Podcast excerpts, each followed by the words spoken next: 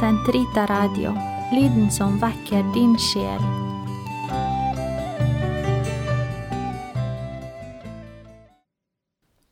Den katolske kirkes katekisme, uke 46, torsdag 1581 til 1589. Virkningene av ordinasjonens sakrament. Det uutslettelige preg.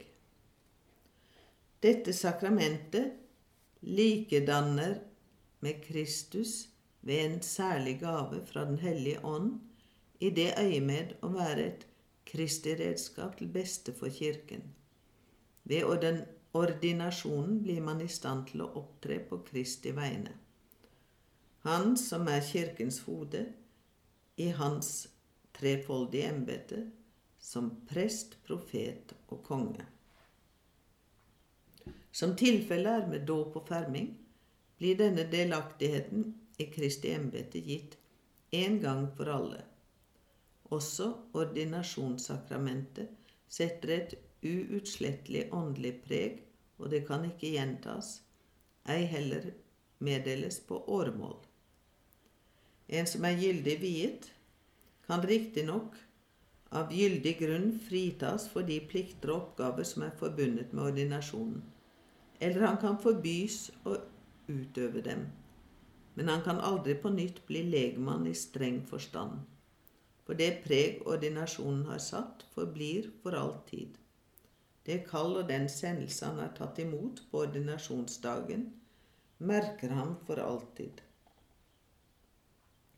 Siden det til syvende og sist er Kristus som virker til frelse gjennom den ordinerte embetsbærer, er ikke dennes uverdighet til hinder for Kristi virke. Sankt Augustin sier kraftig fra om dette.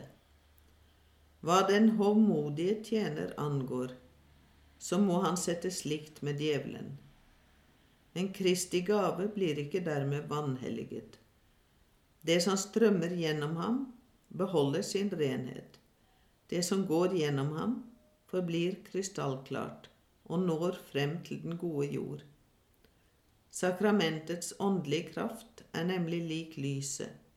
De som skal opplyses, mottar det i sin klarhet, og går det gjennom skitne mennesker, tilgrises det ikke av dem. Den hellige ånds nåde.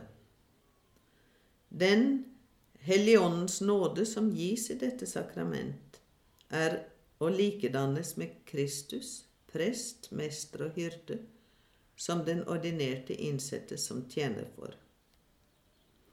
For biskopens vedkommende dreide seg i første rekke om en styrkens nådegave, lederskapets ånd, vigselsbønnen for biskoper i den latinske ritus.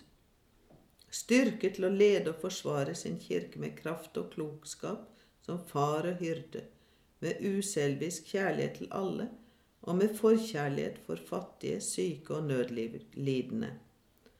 Denne nåde driver han til å forkynne evangeliet for alle, til å være et forbilde for jorden, til å gå foran den på helliggjørelsens vei ved å gjøre seg til ett med Kristus, prest og offergaver i Eukaristien, uten å frykte å måtte gi sitt liv for sine får.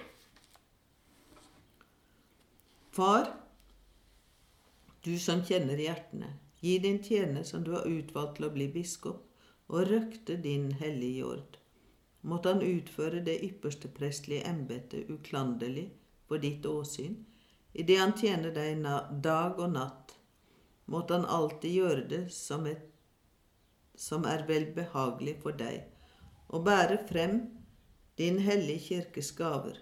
Måtte han i kraft av ypperste prestedømmets ånd ha makt til å tilgi synder etter din befaling.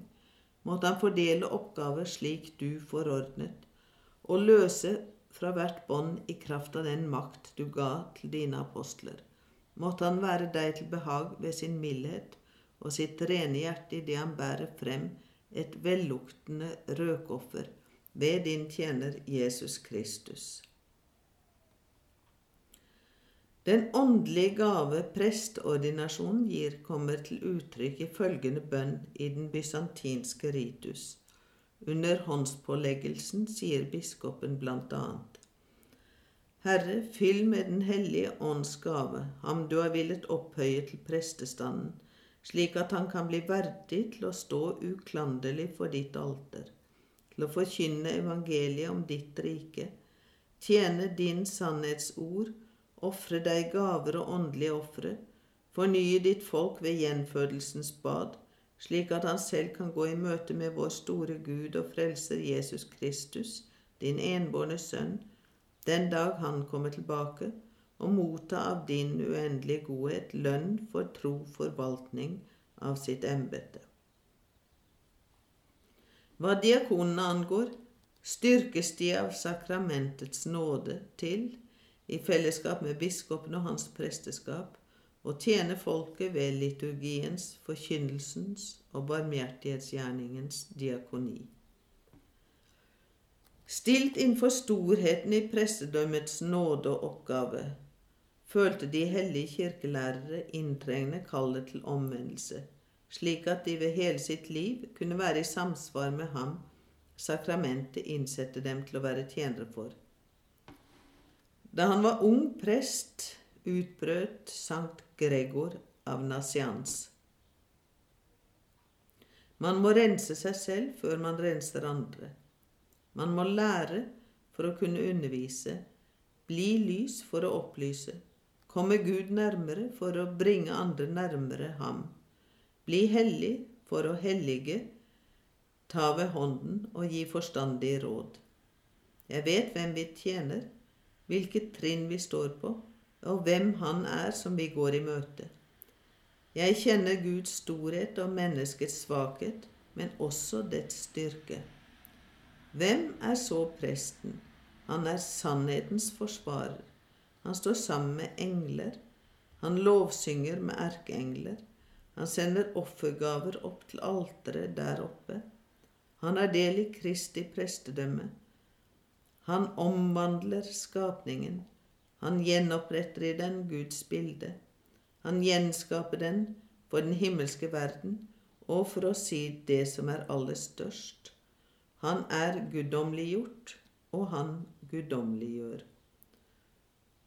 Og den hellige sognepresten i Ars sa det er presten som forretter gjenløsningsverket på jorden. Hvis man på jorden riktig forsto hva presten er, vil man dø, ikke av frykt, men av kjærlighet. Prestedømmet er kjærligheten fra Jesu hjerte.